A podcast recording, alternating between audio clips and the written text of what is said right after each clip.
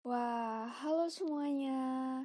Waduh, ini podcast pertama aku dan lumayan gugup, tapi aku berusaha untuk enjoy aja. Oke, jadi sebelum memulai sharing-sharing hari ini, aku mau kenalan diri aku dulu. Siapa tahu ada yang ngestak-ngestak, eh ketemu sama akun aku atau lewat-lewat eh ketemu akun aku tapi nggak tahu aku siapa.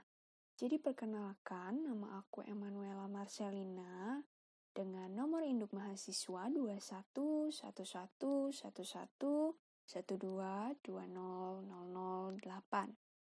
Aku adalah mahasiswi dari Fakultas Kedokteran Gigi Universitas Lambung Mangkurat Banjarmasin.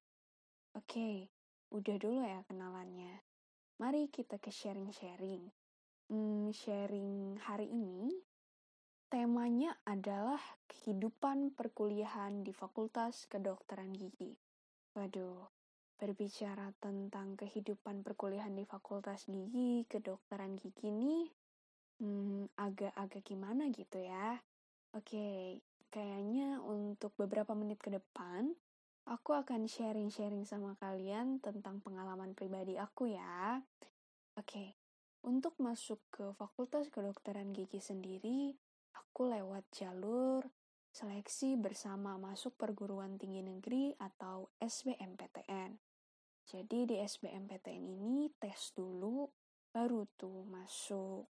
Bisa dinyatakan lulus, nunggu pengumuman, nunggu hijau, nah baru masuk tuh di FKG.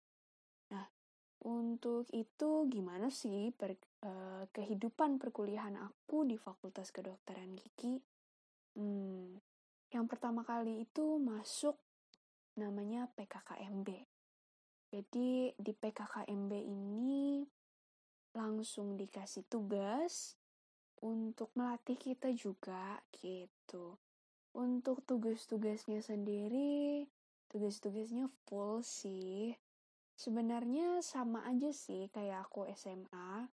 Uh, eh, aku SMA di SMA swasta yang kebetulan tidak kebetulan memang tugasnya lumayan banyak juga, jadwalnya lumayan padat juga.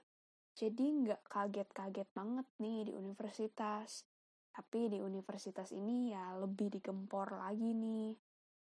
Hmm, yang lebih kerasa itu tuh saat libur nih, saat libur dari masa transisi dari dari libur lama kan kita libur nunggu SBMPTN, pengumuman SBMPTN-nya sebelumnya. Itu kan transisinya lama tuh, beberapa bulan liburnya. Pas libur tuh kan otak nggak terlalu dipakai ya, jadi agak mager-mager gitu, terus mikir juga seadanya. Eh, pas langsung masuk nih, FKG langsung dikasih tugas tuh jadi langsung konslet-konslet gitu lah gitu. Tapi tugas-tugas yang dikasih itu adalah tugas-tugas yang sangat berguna loh di perkuliahan itu terbukti banget kok untuk tugas-tugas dari PKKMB itu sangat berguna dan sangat membantu. Jadi saat kuliah nih gak kaget-kaget banget gitu. Oke, kehidupan perkuliahan di FKG itu jadwalnya full seperti yang aku bilang tadi dari PKKMB aja udah full.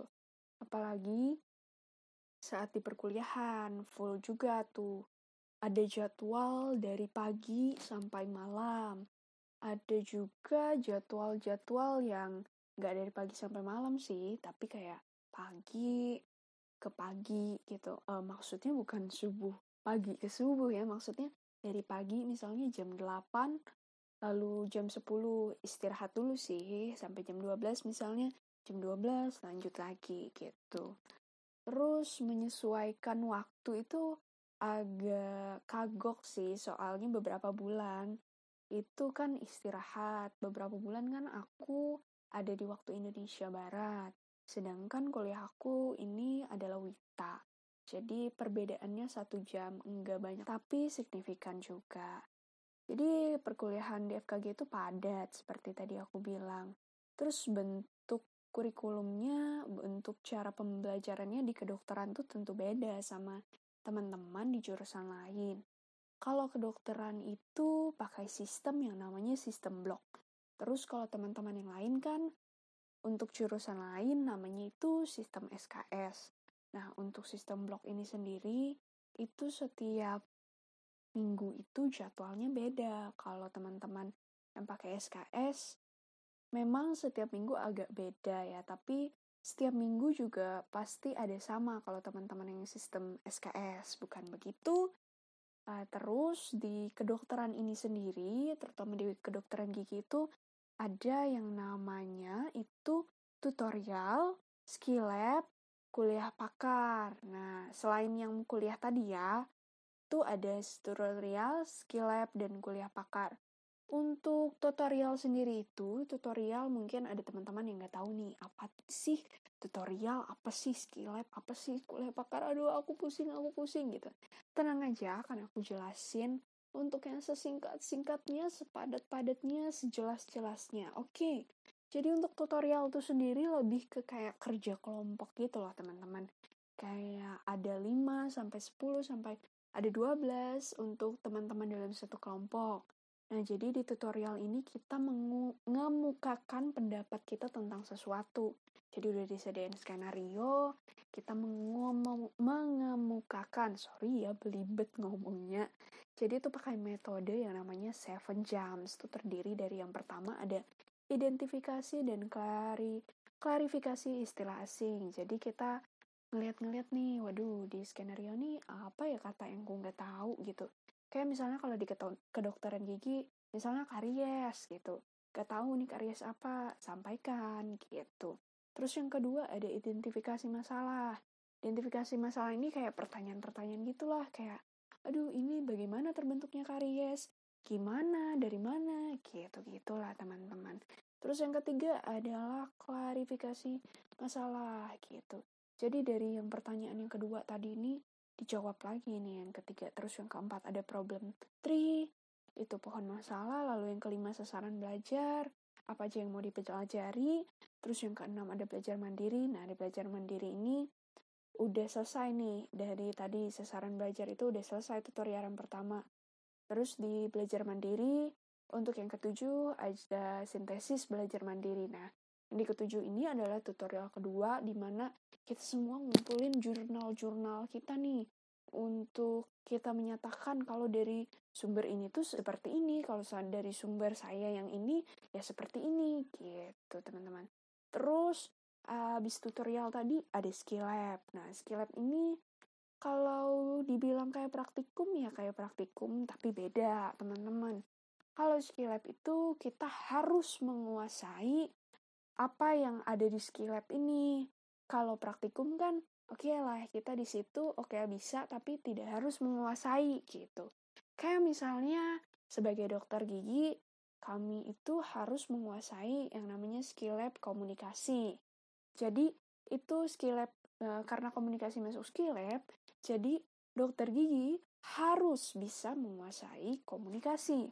Nah, namun beda kalau sama praktikum. Misalnya ada praktikum molekul biokimia misalnya. Nah, untuk praktikum itu sendiri sebagai dokter gigi kan tidak harus untuk menguasai praktikum itu tadi karena tidak semua kita mau mengambil jurusan sebagai biokimia yang terfokus ke situ gitu. Terus lanjutannya tutorial tadi, oh ya aku lupa, habis tutorial tadi tuh ada yang namanya kuliah pakar. Jadi saat kuliah pakar itu kita menyatukan semua pendapat, semua pendapat dari semua kelompok itu disatukan, di match oleh satu orang, bisa dosen, bisa yang expert di bidangnya gitu. Pokoknya yang bisa memberikan kuliah pakar itu tadi yang expert di bidangnya. Seperti itu teman-teman. Waduh, kayaknya aku udah kepanjangan deh cerita. Oke, karena sepertinya ini durasinya mau habis, mungkin akan aku lanjutkan di lain kesempatan. Terima kasih buat teman-teman yang sudah mendengarkan sampai akhir. Aku Emanuela Marcelina pamit undur diri. Sekali lagi, terima kasih semuanya. Dadah!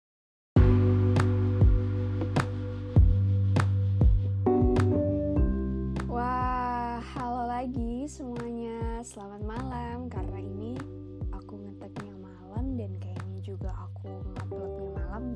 pokoknya selamat malam semuanya. Hmm, ini podcast kedua aku nih. Wah, berkurang sih gugupnya dari podcast yang pertama, tapi yang kedua ini kayak oke okay lah gitu. Oke, okay, uh, sebelum sharing-sharing lagi nih, kayaknya aku harus kenalan dulu deh. Siapa tahu kalian lupa sama aku kan, baru beberapa hari langsung dilupain gitu aduh sedih banget sih aku kalau dilupain tapi oke. Okay. aku akan kenalan lagi. Semuanya halo. Perkenalkan nama aku Emanuela Marcelina. Dengan nomor induk mahasiswa 21 11 11 12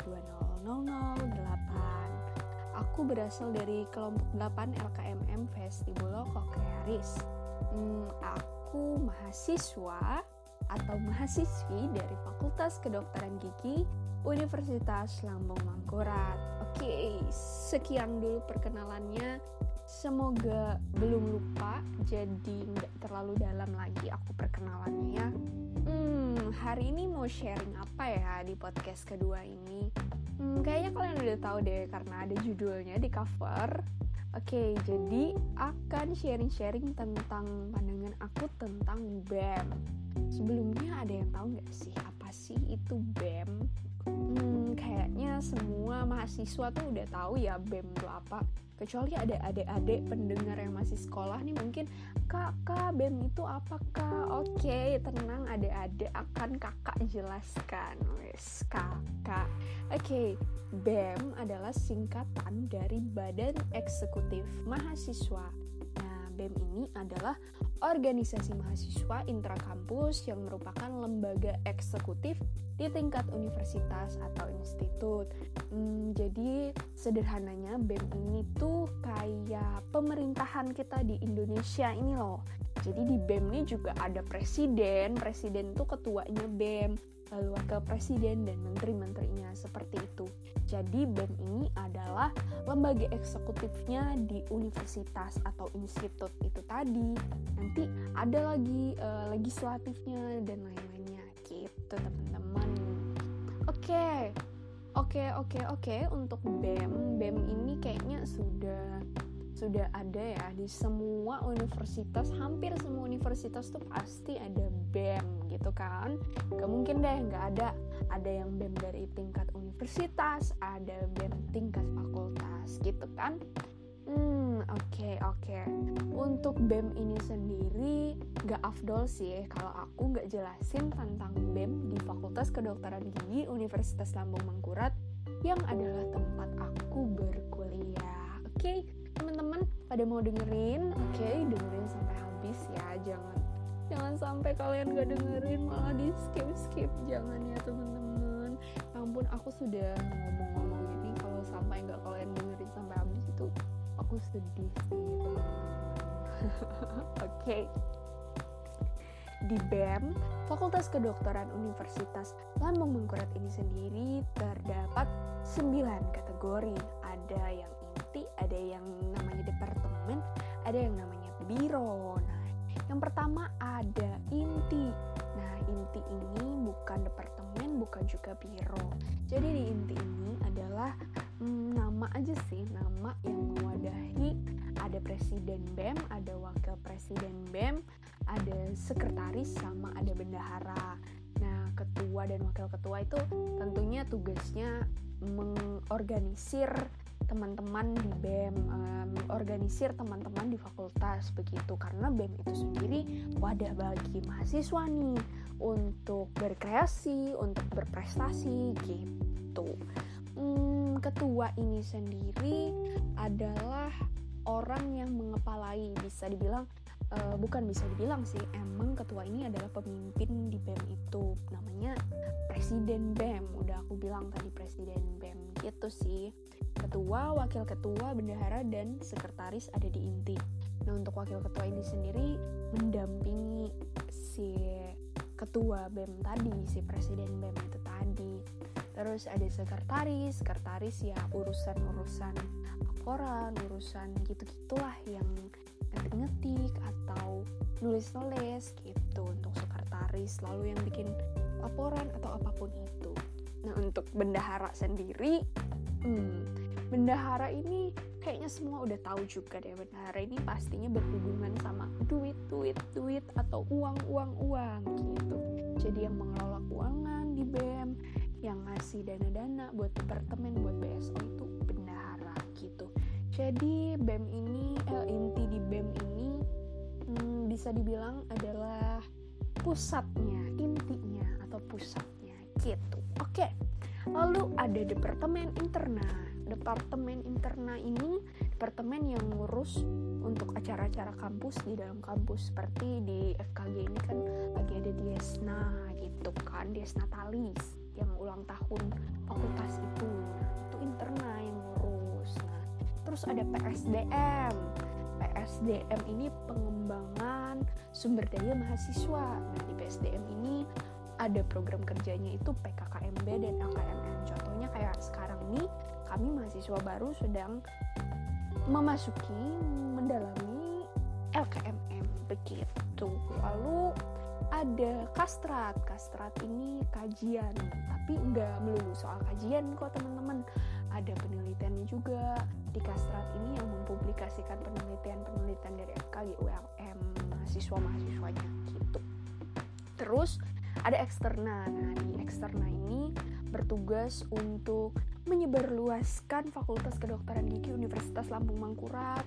Kayak kerjasama kerjasama gitu. Misalnya nih Unla mau kerjasama sama UI atau sama UGM nah itu tugasnya eksterna gitu untuk webinar-webinar atau apa pun di program kerja eksterna ini pokoknya yang bisa mengembangkan Universitas Lampung Mangkurat Fakultas Kedokterannya ini supaya kedokteran giginya ini supaya bisa dikenal masyarakat luas di Indonesia Raya lah gitu pokoknya secara singkatnya.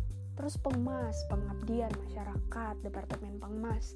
Ini lebih ke yang turun di masyarakat misalnya ada dentist visit, uh, school visit, terus kalau ada bencana-bencana nih, nih departemen pengmas nih yang bergerak gitu. Terus ada infocom, nah infocom ini semua kayaknya udah tahu aja ya departemen infocom nih yang ngurus-ngurus Instagram, yang bikin-bikin pokoknya yang berhubungan semuanya sama teknologi gitu. Terus ada litbang, nah di litbang ini prestasi uh, litbang FYI, litbang ini adalah biro, bukan departemen lagi tapi biro. Jadi litbang ini mengumpulkan prestasi kita agar SKKM kita terkumpul juga dari prestasi-prestasi itu gitu. SKKM itu syarat-syarat kelulusan termasuk dalam syarat kelulusan untuk yudisium begitu syarat untuk yudisium maksudnya. Oke lalu ada biro danus. Nah dana usaha. Udah dari namanya aja udah dana usaha kan. Jadi hmm, yang berusaha mengumpulkan dana untuk acara-acara yang dinaungi oleh BEM sendiri gitu. Jadi di inti tadi ada presiden BEM, wakil presiden BEM, sekretaris bendahara, lalu di departemen-departemen tadi itu namanya dikepalai oleh yang namanya. Terus kalau untuk litbang dan danus tadi adalah biro yang dikepalai oleh kepala biro. Gitu sih untuk pengenalan BEM. Hmm, menurut pandangan aku, BEM ini adalah organisasi yang keren banget loh hmm, kenapa keren banget soalnya BEM ini juga mewadahi aspirasi itu tadi mewadahi aspirasi mahasiswa untuk bertugas untuk mengembangkan prestasi-prestasi untuk mengumpulkan prestasinya juga gitu. Jadi anak BEM tuh keren banget sih aku lihat. Dan kita sebagai yang nggak masuk BEM nih atau sebagai mahasiswa baru yang minat menurut aku kita tuh emang harus banget sih masuk di organisasi karena dan organisasi juga nambah relasi. Oke, sekian dulu sharing-sharing dari aku. Sampai ketemu di podcast selanjutnya kalau ada. Terima kasih semuanya sudah mendengarkan sampai habis. Sekali lagi, terima kasih. Selamat malam. Hmm, panjang juga ya. Oke, nggak apa-apa deh. Anggap aja sleep call sama aku. Dah, selamat pa uh, maaf, selamat malam. Terima kasih.